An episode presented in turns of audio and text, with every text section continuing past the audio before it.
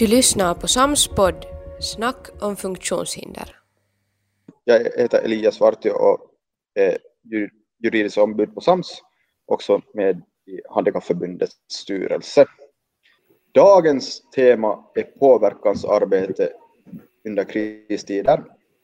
Och, och det är kanske särskilt under så här svåra tider som det är extra viktigt att olika gruppers och särskilt sårbara gruppers röster blir hörda då man funderar på olika lösningar. Och jag har också varit väldigt um, imponerad över uh, bland det starka påverkansarbete som bland annat Invalidförbundet har gjort. Så därför är jag extra glad av att Laura Andersson från Invalidförbundet är här med oss och kommer att öppna upp vad de har gjort under den här krisen och, och kanske ge lite vägkost på vad man kan tänka på.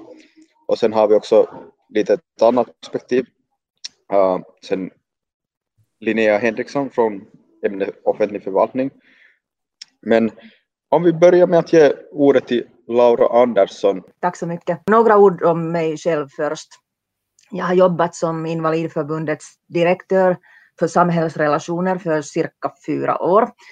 Och tidigare har jag arbetat i riksdagen och före Invalidförbundet var jag specialsakkunnig i Finlands idrott för cirka sju år. Och jag studerade vid Helsingfors universitetet socialpolitik som huvudämne och jag tog, tog magistern 2002. Och jag har just deltagit riksomfattande försvarskursen och där, där talade vi mycket om beredskapslaget och hur det där varautuminen är gjort i alla samhällens sektorer. Och det är som sagt, det är kiva att få vara med och det är också lite spännande därför att jag använder svenska så sällan nu för tiden men jag försöker ju klara mig. Eh, jag har delat min presentation i tre delar. Alltså för det första tilannekuva, alltså vad är läget, hur vi har sett coronasituationen i Invalidförbundet i februari och i mars. Och sen den andra delen handlar om förbundets toimenpiteet, alltså vad vi har gjort, vilka saker har vi lyft fram och med vem vi har sysslat med. Och sista delen, om det finns tid kvar då, ger jag några, några allmänna tips om lobbying. Alltså för det första, det där tilannekuva. Uh, I riksdagen, de kanske minns att i plenum det, var, det talades om funktionshindrade människor och deras rättigheter. Det var i februari. Två timmar om YK-avtalet och tillgänglighet och yhdenvertaisuus, många fina tal. Och vi visste ju då om corona, men det hade inte aktualiserats på riktigt. Och Invalidförbundet publicerade sin första coronanyhet i slutet av februari. Därför att då noterade vi att situationen kommer att bli värre. Och vi tänkte att man måste vinka till den där offentliga sektorn att hej, har ni gjort, gjort alla som måste göras med specialgrupper när pandemin kommer allt närmare. Och sen i mars lyssnade vi noggrant information om minister som ministeriet och statsrådet och THL gav. Och också lyssnade vi på det där hiljaiset signalet från fältet från medlemmar. Och det där situationen, det lät inte bra. Fast vi alla vet att vi i Finland, vi har YK-avtalet, vi har yhdenvertaisuuslaki och så vidare. Men vi var oroliga i alla fall. Och det fanns, det fann och det finns brist på munskyddar. Det finns epätietoisuus om, om personlig assistans roll när det gäller risk att smitta andra eller bli själv smittad. Och också den större diskussionen om etik. Vem får vård? Vem kanske inte? Om det kommer att vara brist på andningsmaskiner och intensivvård. Och nu vet vi att det här är bara början av krisen. Det kommer att bli värre. Och därför är det ytterst viktigt att ha hela tiden en bra kontakt till myndigheterna. Det har ju varit ganska, kan man säga, vauhdikasta på sistone.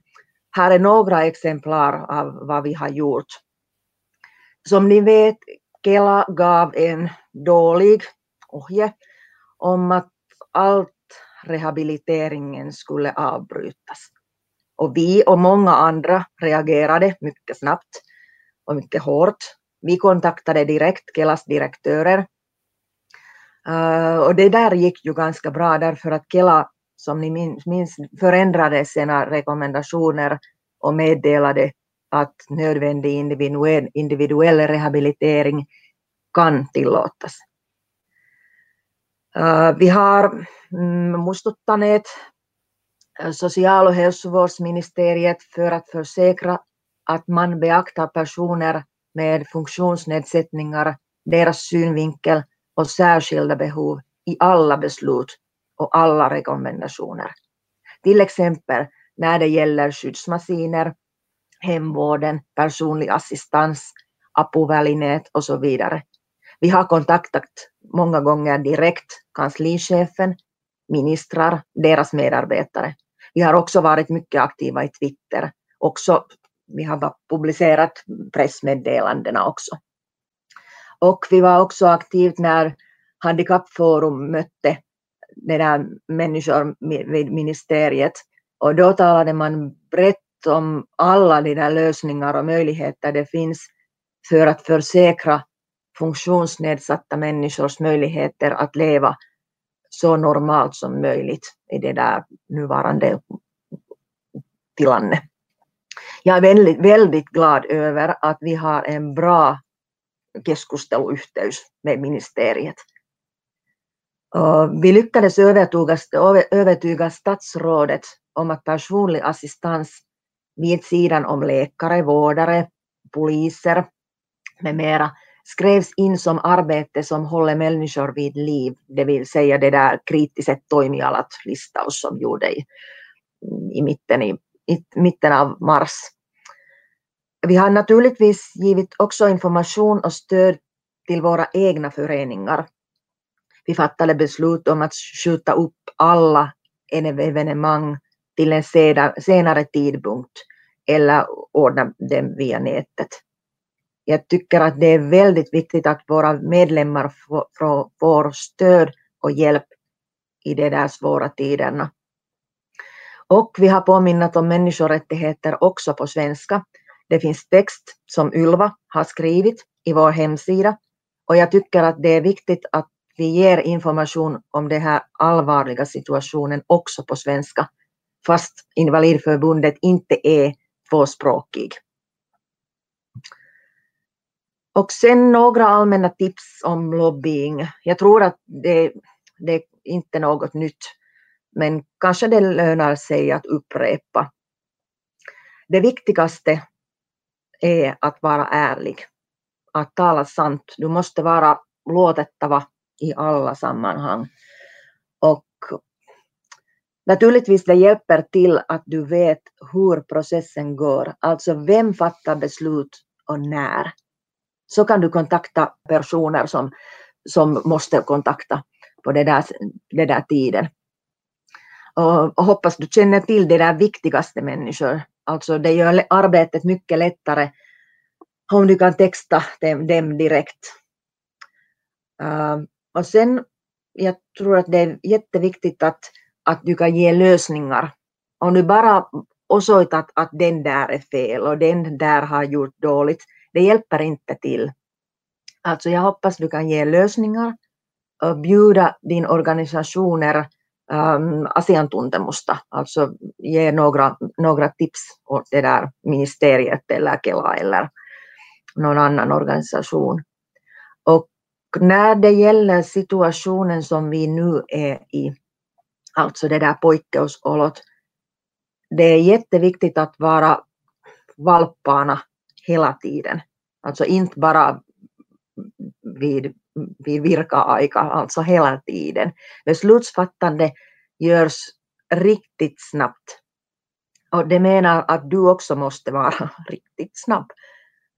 Hoppas din organisationer fungerar bra, det vill säga att ni har äh, en sån toimiva yhteys mellan sakkunniga och kommunikationens expert. Så ni kan själv fatta beslut snabbt och få det där pressmeddelande ut och, och så, sånt, sånt gör, gör, gjort mycket snabbt. Alltså här, varsågoda, några tankar om Invalidförbundets synvinkel. Tack. Tack, det var väldigt intressant. Kanske jag skulle kunna nappa på det där du sa att man ska, då, att man, då man ska nappa, nappa till de rätta personerna.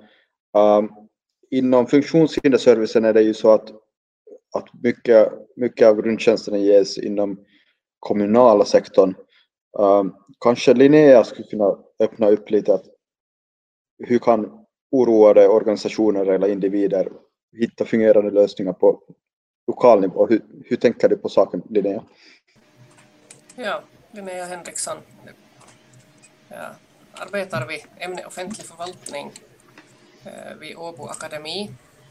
Sen har jag ett, ett eh, kommunalpolitiskt ska vi säga, engagemang för tillfället som fullmäktiges ordförande i Raseborg men, men jag har haft olika uppdrag genom åren. Sen har jag vissa intressen också i, i, i delar, av, delar av funktionshinderrörelsen. Och därtill sitter jag i statens språkdelegation. För det första får man ju konstatera att, att det, som är ett, det som är ett akut undantag så är ett akut undantag för, för också de flesta de flesta eh, offentliga organisationer. Eh, så där i krasst sett, alltså i, i, en internationell jämförelse så är Finland nog rätt, rätt väl förberett. Det skulle vara intressant att veta, veta nog liksom eh, vad effekterna är, av, är, av till exempel just den här landsförsvarskursen som, som Laura där nämnde. Därför att det gör nog att det är fler, fler människor i Finland som har ställts inför frågor om beredskap så där, ehm, i, i, liksom i sin yrkesroll än vad det är till exempel i, i länder som saknar den typen av organisation. Men när det är sagt så inom Finland så finns det ju förstås ändå en jättestor variation inom, i, i, inom de offentliga organisationernas beredskap. Och det, och det märker man nog i, i det här uh, i det att den här, vad ska vi säga, allmänna uh, allmänna beredskap, eller den här allmänna liksom vil, viljan att göra rätt så försvinner ingenstans. Men, men när man plötsligt stöts inför en, eh, inför en massa nya praktiska problem så inträder nog något slags, någon slags liksom typ av, av Maslows behovshierarki, att man, man må, måste börja med, börja med liksom grundbehov och, och sen så tar vi allt det där andra sen för att, för att det här sådär. Sen kan man diskutera om det är bra eller dåligt och emellanåt leder det till helt orimliga resultat. Men, men, men för många så är den spontana liksom, reaktionen det att man måste så att säga eh, ta en sak i sänder och, och överleva från dag till dag. Det här har, det här har ju sen då lett till att, att olika organisationer reagerar på olika sätt och i, och med att det har gått så fort så har inte heller funnits liksom någon möjlighet att riktigt ta reda på att men hur gör ni, vad är, ett bra, vad är ett bra sätt att agera i det här läget. Så att när de första veckorna handlar om att, att stänga ner organisationer och att liksom försöka, försöka liksom lista ut att vad innebär, vad innebär den här regeln? Jo, det innebär att vi ska stänga alls, allt men det här har ju nog också lett till att det finns en massa, massa anställda inom offentlig sektor som har ångest över att, att så att säga lämna lämna då människor i olika verksamheter. Jag menar, man har diskuterat skolan ganska mycket, så att den, den, den delen är liksom på något sätt så där vältäckt i media. Men man har inte diskuterat liksom det som har, man har inte diskuterat effekterna av det inom socialsektorn på, på samma sätt. Då, då återkommer man ju till det här att, att hemskt mycket inom den inom till exempel alltså, när det gäller människor med funktionshinder så är ju alltså variationen väldigt stor. Och då, då leder det ju förstås till att hur det slår ut i en sån här situation så där är variationen också jättestor. Jag tror nog att, att om man tänker då i termer av, av så att säga att vad ska man, vad ska man göra så att säga. No, det, å ena sidan så får man ju säga att i något skede så normaliseras världen igen att även om den kanske aldrig blir, blir, blir som den var innan så, så normaliseras det. att det, det uppstår ett nytt normalt någonstans. Och det är klart det att i, i det skedet så, så återgår påverkan till det nya normala också så att säga. Men, men när man då funderar på vad som, vad som behöver göras just nu så tror jag att, att man kan, kan fundera ur tre olika perspektiv.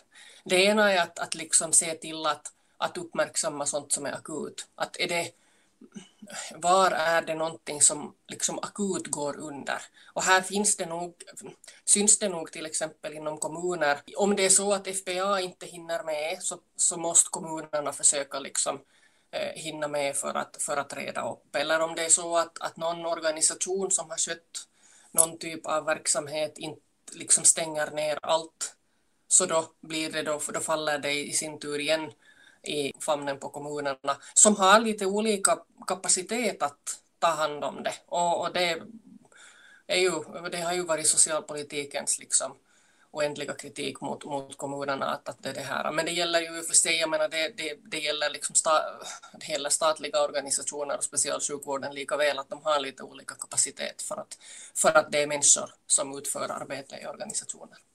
Men att, att jag menar det, mesta, det, det, mest, det viktiga, viktigaste kanske just nu så är att se till det som är akut i, i, liksom i undantagstillståndet.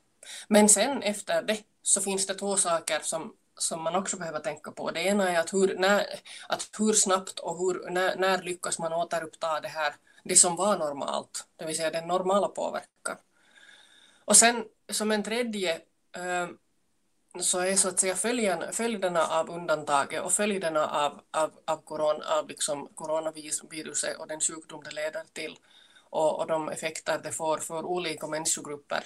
Just nu så talar man mycket om, om vissa typer av följder, till exempel då eh, de är alltså följder för ekonomin eller följder då också för, för människors välmående när man då så att säga isoleras. Men, men det, det finns också det, det, det, kommer också att leda till liksom oväntade effekter, det vill säga ovänt, liksom oväntade, eh, oväntade diskussioner och oväntade liksom frågor, sådana som man inte riktigt har liksom, eh, som man inte kan förutse på förhand för att de, de, kommer, de är så att säga följder i, i, tre, i andra eller tredje hand. Några kanske man kan se, men många av dem så ser vi nog ser vi nog inte ännu, men jag tror att det kan vara bra att fundera på att ha en beredskap, att börja ta hand att, att, liksom att veta hur man ska och vem som ska så att säga fundera på det och ta i dem när de uppstår. För att det kan hända att det behövs en snabb beredskap också där. Ja, det kompletterar bra, bra de här synvinklarna. Vill du Pirkko kanske öppna lite upp om Handikappforums roll? På vilka sätt har ni eller vi agerat här? Hej alla! Det är just som du sa att vi har, vi har lite sådär, vi har också kommit fram till att uh, jobba på distans och vi har haft kontakter, uh, kontakter, vi var ju med i det där mötet med ministeriet i, i början och sen, uh, sen började vi med om det där Kela som, som Laura redan, redan nämnde Eh, och jag har varit också med EDF eh, på europeiska nivå att, att få den liksom eh, diskussionen fram till från handikapprörelsen i alla länder till kommissionen och sen liksom få den, få den informationen att när man får bra eller för det mesta dåliga exemplar från andra länder liksom i vad händer med, vad händer med prioritering eller, eh, sånt. Eh, men, men liksom det där att, att komma fram med, med informationen, komma fram med liksom guidelines och komma fram med de kritiska liksom sakerna som Eh, liksom just som eh, Ylva nämnde att, att få in det där att, att också personlig assistans är kritisk. Och, och liksom tänka lite, eh, tänka lite på det hur vi ska, hur vi ska liksom hur vi ska liksom agera i den här situationen. Och det, och det där med Kela att också få in erfarenheter. Ilma tukikeskus för invandrare, de har, de har haft, de har haft mycket liksom mera hands-on approach. De har försökt ta i minoritetsgrupperna då, som inte har fått som inte har möjligen fått informationen om situationen, vad det egentligen gäller och hur man ska agera och man ska inte liksom ha stora kongregationer av folk i öst. Jag talade just om det där att, att det, det, det är problematiskt inom invandrarkommunerna liksom kommunerna eller det där. Och sen jag ville bara säga att vi har haft, vi har haft problem också med att, att jag när jag kom i eh, distansjobbet så har jag inte, har jag inte lyckats komma fram till eh, Handikappforumets webbsida och uppdatera dem. Så att vi har haft liksom praktiska problem med att, med att göra, göra liksom synlig det eh, påverkningsarbete som vi har gjort. Och, och, det som jag tycker just nu är eh, kanske viktigast är att är att uh, hålla fram det där att det, även om det finns och det kom bra uh, liksom uh, regler och, och guidance och uh, från ministeriet så, och där i ministeriet uh, till exempel sades motsatsen som var, prak som var praxis på, uh, på några kommuner. Det har vi liksom på gång att vi försöker också få den där uh, inne, i, inne och vara med i den diskussionen när det, när det gäller att, uh, hur, det ska, hur det ska faktiskt göras med de ekonomiska konsekvenserna. Och det är någonting som vi har inte varit med. Det är liksom att uh, det är liksom eh, så mycket tal om att, eh, om att hur man ska skyddas och ska man ha maskar, andningsmaskar eller inte. Och sen först var det att inte och sen eh, fick man inne i hemvården eller ska man inte få, nu är det hur många man ska få. Och de där frågor kring personlig assistans som har, som har, eh, som har blivit mycket aktuella just nu. Men, men eh, så att vi har gjort, eh, vi har liksom varit mycket sysselsatta på, på det där eh, diskussionen med ministerierna och med olika aktörer så att få fram det där handikapperspektivet. Men det är just det att det kommer, det kommer så snabbt och, och så liksom uh, lite sådär att, att implementeringen av olika direktiv är lite, lite sådär att hur kommunerna tolkar det. Till exempel eh, till relation av till, till relation till till exempel handikappservicen. Jag skulle vara mycket intresserad av att höra om hur tolkningsservicen har faktiskt fungerat Därför att vi har fått ju, vi har ju talat om det att hur, hur man ska liksom um, hur man ska liksom säkerställa de uh, servicerna i, i det här undantagstillståndet.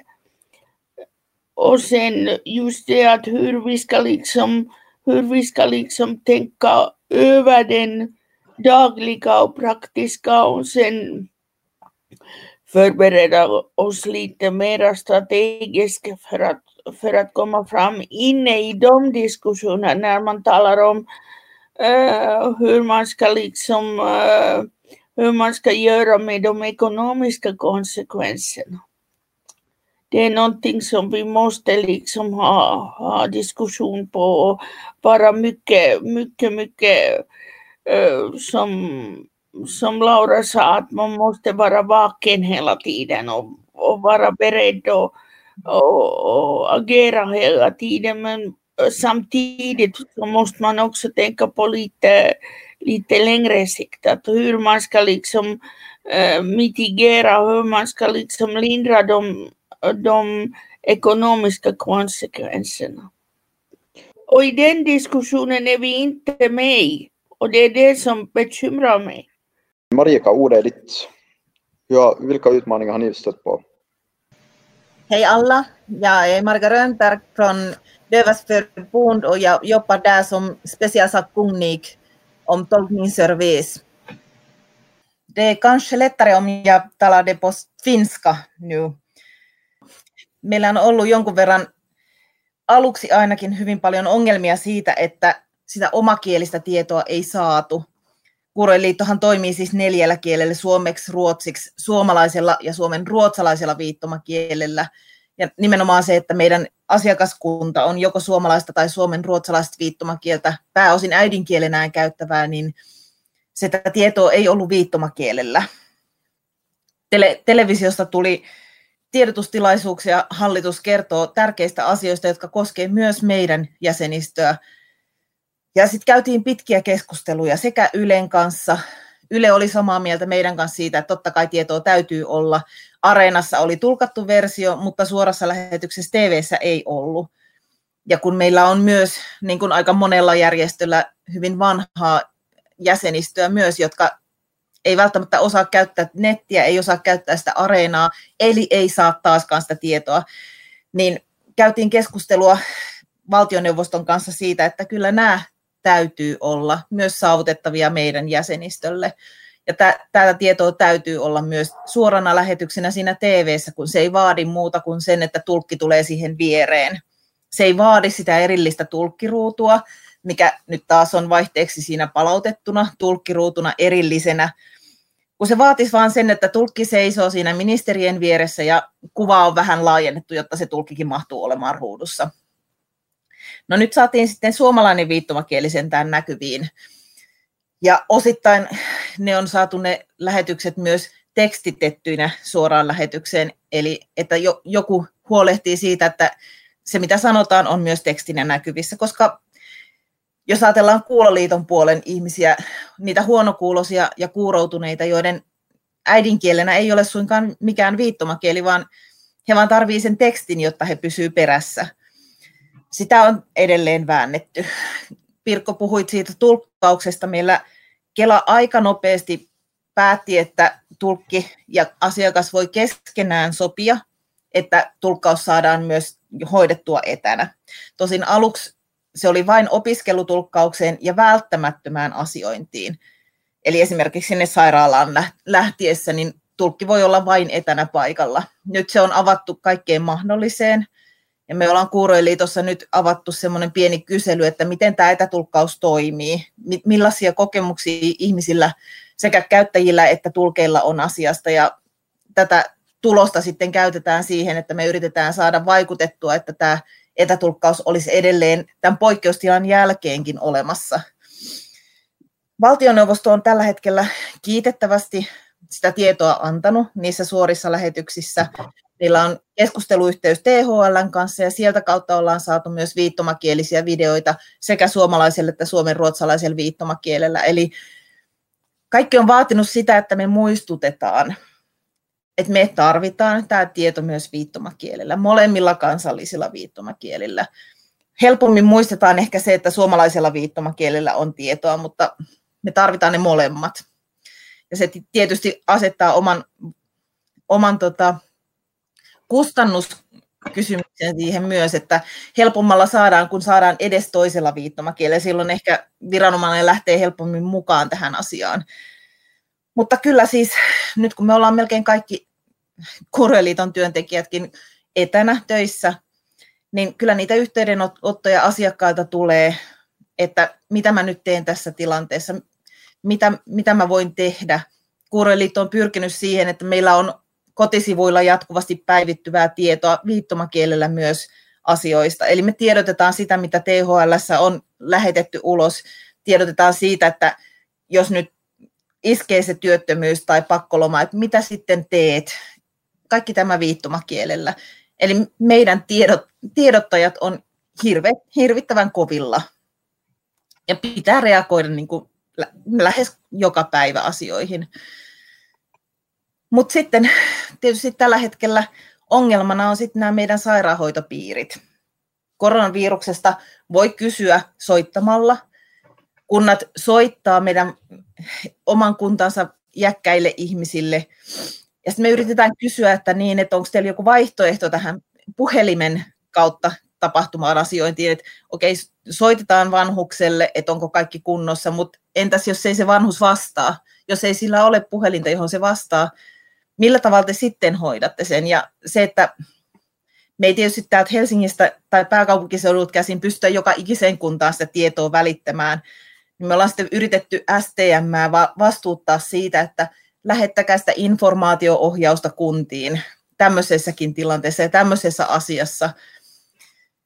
Ja sitten on tilanteita, jossa asiakas on lähtenyt, on lähtenyt esimerkiksi ambulanssilla sairaalaan kiireellä, sinne on tilattu tulkki, tulkki tulee omalla autolla, mutta sitä ei päästetäkään sinne osastolle, koska epäillään, että mitä se tulkki nyt siellä tekee. Ja sitten kuuro-ihminen on siellä osastolla, sille tehdään tutkimuksia, sille tehdään hoitoja, ja hän ei pysty kommunikoimaan kenenkään kanssa, koska jos sairaanhoitajilla ja lääkäreillä on suusuojat, niin edes huulio ei auta. Huuliota ei voi lukea, jos se on peitetty. Jos tulkkia ei päästetä osastolle tai sinne laboratorion puolelle, niin silloin tulkkauskaan ei auta, kun tulkki on ihan eri paikassa. Eli on tässä kaiken näköistä mietitty ja yritetty vaikuttaa, että niin, tämäkin asia pitää sitten huomioida. Tämmöinen lyhyesti. Tack Marika, det här var väldigt nyttiga, intressanta praktiska problem som ni har stött på. Hej alla, Ylva Krokfors, sakkunnig inom social och hälsovårdspolitik på Invalidförbundet. Eh, det där eh, påverkansarbete, jag har försökt lära mig Twitter nu i det där lite över ett års tid och, och jag har märkt, eller vi har, vi har märkt på Invalid för mycket att det är jätte, jätteviktigt ur påverkansarbetets synvinkel att följa med Twitter väldigt noga och kommentera. Och jag läste just Pia-Lisa Sundell har skrivit, skrivit en blogg nu om att hur viktigt det är att, att eh, också ge sådana positiva kommentarer. Att nu när alla är hårt pressade och så här, så till exempel eh, FPA, Kela som har mycket det där, alltid, alltid liksom klagar på vad de gör. Så sen, sen om och när de har reagerat snabbt och, och ändrat om om till exempel just det här, här med de här eh, rehabiliteringarna så, så det där så, så sätter först några ord att hej tack, tack för snabbt reagerande eller tack för bra jobb och så här åt, åt olika, olika det där ehm, sådana här organisationer som, som jobbar här. Och där får man snabbast veta, veta vad som, vad som pågår och, och det där. Och eh, till exempel så har det varit eh, många olika sådana nätkurser eh, om, om det där, hur man använder Teams och så vidare som har varit helt gratis. All den här informationen har jag åtminstone fått via Twitter och det har hjälpt mig att, att utveckla mitt kunnande inom påverkansarbete. Plus sen att de, de eh, beslutsfattare som man har till exempel träffat då före, före den här coronakrisen och har fått en bra kontakt så, så det där eh, så vanligen så har jag märkt att då har de börjat följa en på Twitter och, och man får så småningom så, så det där så får man eh, följare som, som är i beslutsfattarposition och man följer dem själva så, så man är liksom med hela tiden och sen när det här i något skede går över så det där kommer de nog säkert ihåg bättre de människorna som, har, som har, det där de har haft kontakt med via Twitter. Så tror jag. Tack, det var väldigt värdefullt. Anette Aberhatela, eh, sakkunnig påverkansarbete på FDUV, intresseorganisationen för svenskspråkiga med intellektuell funktionsnedsättning och deras anhöriga. Det här, jag tar kort lite vad jag egentligen har tänkt här under hela den här diskussionen och, och egentligen fortsätter där vad Marika prata om, om det här med information och hur man får till, för det är nog en av de sakerna som syns hos oss väldigt mycket, det vill säga möjligheten att få information på lätt svenska så att du förstår. Och eh, där, om man tänker, vi, har, vi jobbar då med personer med intellektuell funktionsnedsättning och, och eh, det att, att du inte vet egentligen vad som händer runt omkring dig, men du märker att, att din vanliga vardag ändras ganska mycket. Besök blir borta, eh, du får inte besöka den dagverksamhet som du har gjort under alla de här åren och inte vet egentligen vad det beror på. på så det är ju nog ett jättestort problem. Dessutom eh, bland vår medlemskår så, så har vi ju många som får hjälp av till exempel ålderstigna anhöriga som också är den grupp som inte får information eh, via till exempel nätet, där det finns ganska mycket i dagens läge. Så den här informationsbiten är nog en av dem som är vår stora grej just nu och eh, på grund av den här svårigheten som har finns, det, det liksom, vi har skickat information till exempel på lättsvenska till THL, men det att hitta den på THL-sidor är väldigt svårt och då faller liksom funktionen bort. Så inom FDUV har vi till exempel nu skickat post till alla våra medlemmar för att göra dem uppmärksamma på att var de sen får, att ändå försöka styra dem till, till våra webbsidor. Det är också det att informationen uppdateras hela tiden. Det är mängder med information och det att hela tiden hålla fältet uppdaterat så, så är jätteutmanande. Det som jag samtidigt, om man vill säga något positivt, så tror jag att, att det att vi är en relativt liten organisation har varit en fördel för oss, för det har varit lättare för oss att ändra vår verksamhet och ganska snabbt på en vecka flytta över all vår kursverksamhet så långt det är möjligt till distanslösningar. Eh, det tror jag att, att liksom har varit en fördel i det här. Jag tror också att vår organisation har lärt oss jättemycket. Vi har gjort ett sånt här snabbt digihopp som vi har haft i planerna länge. Det här har tvingat oss till det och eh, också våra medlemmar har getts möjligheter att testa på digilösningar som många trodde att kanske först är möjliga om tio år eller fem år. Så det är en positiv sak. En annan sak som, som nog är orolig, som kommer fram kanske ännu tydligare nu i, de här, nu i den här situationen, är det här maktförhållandet mellan myndighet och, om vi kallar det den lilla människan, alltså våra, våra medlemmar. Det vill säga det när det kanske var en liten så här panikstämning då när, när undantagsförhållande infördes. Det trycktes på bromsen, det sades nu är liksom all kontakt förbjuden. Och den informationen som gick ut till, till människorna, på, till de här anhöriga och till personer med intellektuell funktionsnedsättning var att nu är kommunerna tvungna att avbryta mycket service och nu måste ni antingen ta hem era vuxna barn eller så får ni inte se dem på en lång tid. Och det har sedan lett till lösningar som i det här skedet är väldigt svåra att korrigera. Till exempel om det är någon som har bott på gruppboende och som har råkat vara hemma hos föräldrarna den helgen som det sen har förts in sådana här begränsningar, så den personen får inte åka tillbaka till gruppboende mera, eftersom det finns en risk för smittspridning. Att mycket sådana här snabba lösningar som vi nu sen efteråt märker att de kanske inte var helt, eller de var ju inte genomtänkta och vi har förståelse för det, men det leder sen till väldigt svåra situationer för de, de här familjerna. En annan sak är undervisningen som, som nu är väldigt, har diskuterats mycket inom media också med just, just föräldrar som är hemma med barn med, med funktionsnedsättning och ska, ska egentligen vara allt från föräldrar till lärare till assistenter och så vidare och dessutom eventuellt sköta ett jobb. Så den här situationen är, är svår för många, plus att till exempel avlastning för många har lagts på is. Så nu är det kanske, jag tror att, att ska vi säga så här att på sätt och vis har situationen lugnat sig efter den där första panikveckan. Men sen, det när vi inte vet hur länge det här pågår, så börjar det också nagga på att även om situationen just nu för många fungerar relativt okej, okay, så ser vi att med tiden kommer de här krafterna att tryta och, och, vi måste liksom, det som vi kanske uppmuntrar våra familjer nu till är att, att inte vänta för länge på att be om hjälp, utan att, att hellre för tidigt än för sent kontakta kommunen och, och det här, inte behöva kämpa in i det sista innan, innan krafterna tar slut. Och det som också är att en månad känns kanske som en kort tid, men för den familj som har barn med funktionsnedsättning hemma så är det en väldigt lång tid. Och det märker vi också sen till exempel i, i äh, frågor om, om parförhållande och så vidare, att man också ska orka tillsammans som familj, att få, få den där, orka kämpa tillsammans. Och det som också Marika var inne på, det här att, att den där oron för vad som kommer. Vad händer till exempel om personen med funktionsnedsättning åker in på sjukhuset och den person som no, i det här fallet också är dubbel minoritet, det vill säga det att, att svenska, men också behöver stöd med kommunikationen. och anhörigas roll där som kanske har varit den som fungerar som tolk till, till den yttre världen.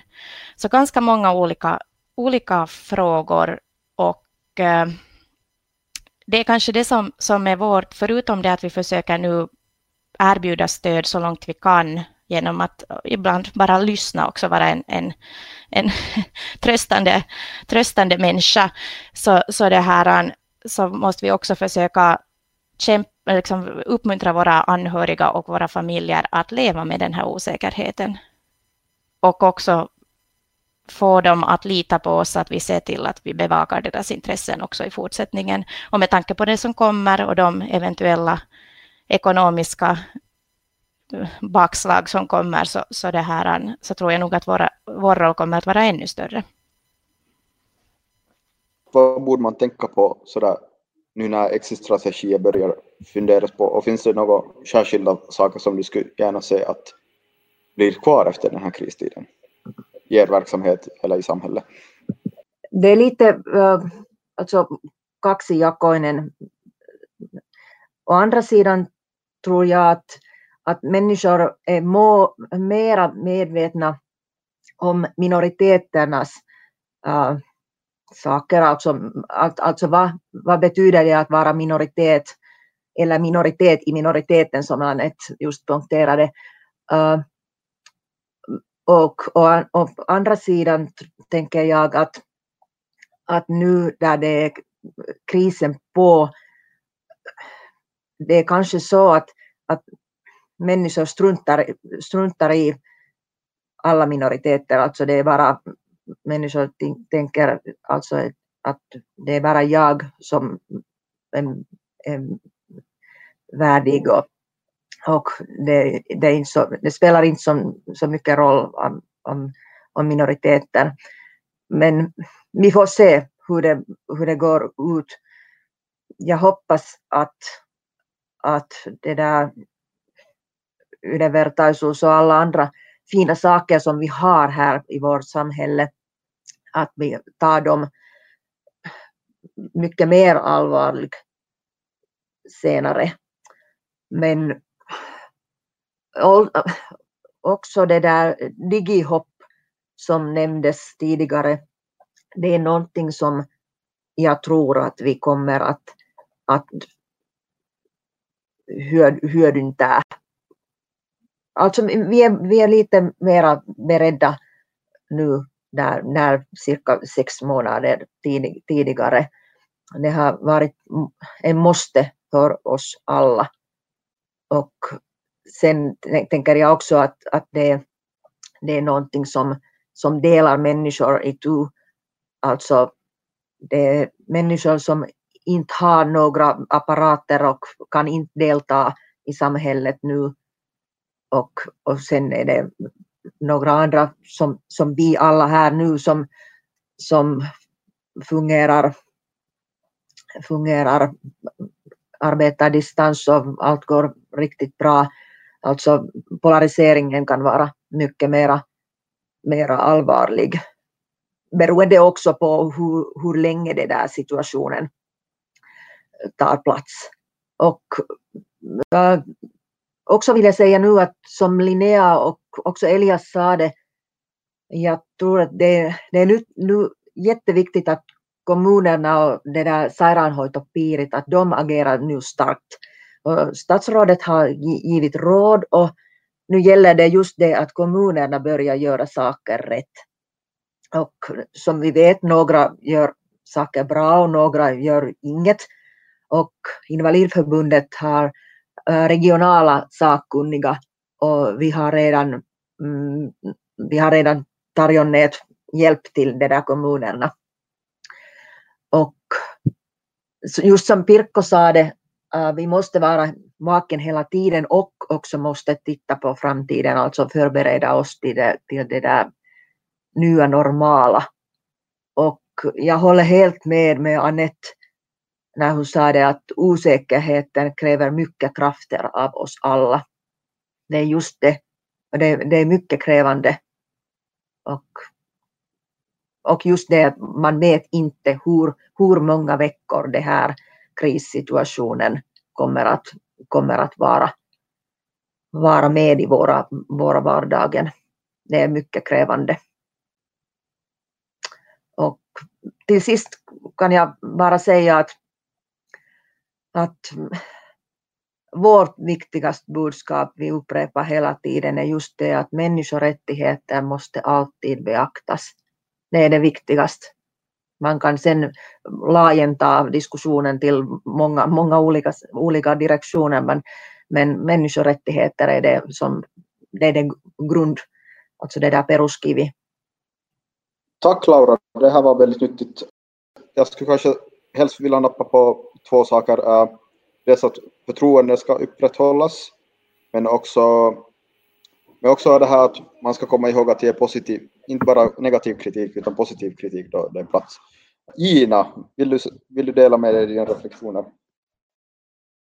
Tack, ja, det var, det var intressant och jag, jag nappade såklart här på Anettes eh, eh, kommentarer och, och, tänkte på det här just med att eh, att, att vi är nog hemskt oroliga för, för de med intellektuella nedsättningar som på boende bor och som nu är inlåsta och får inte hjälp. Och då har vi erbjudit oss att ge assistans via Skype och nätet, äh, telefonsamtal, men kommunerna säger nej, att det är inte assistans, medan det är okej att vi diskuterar så här och arbetar.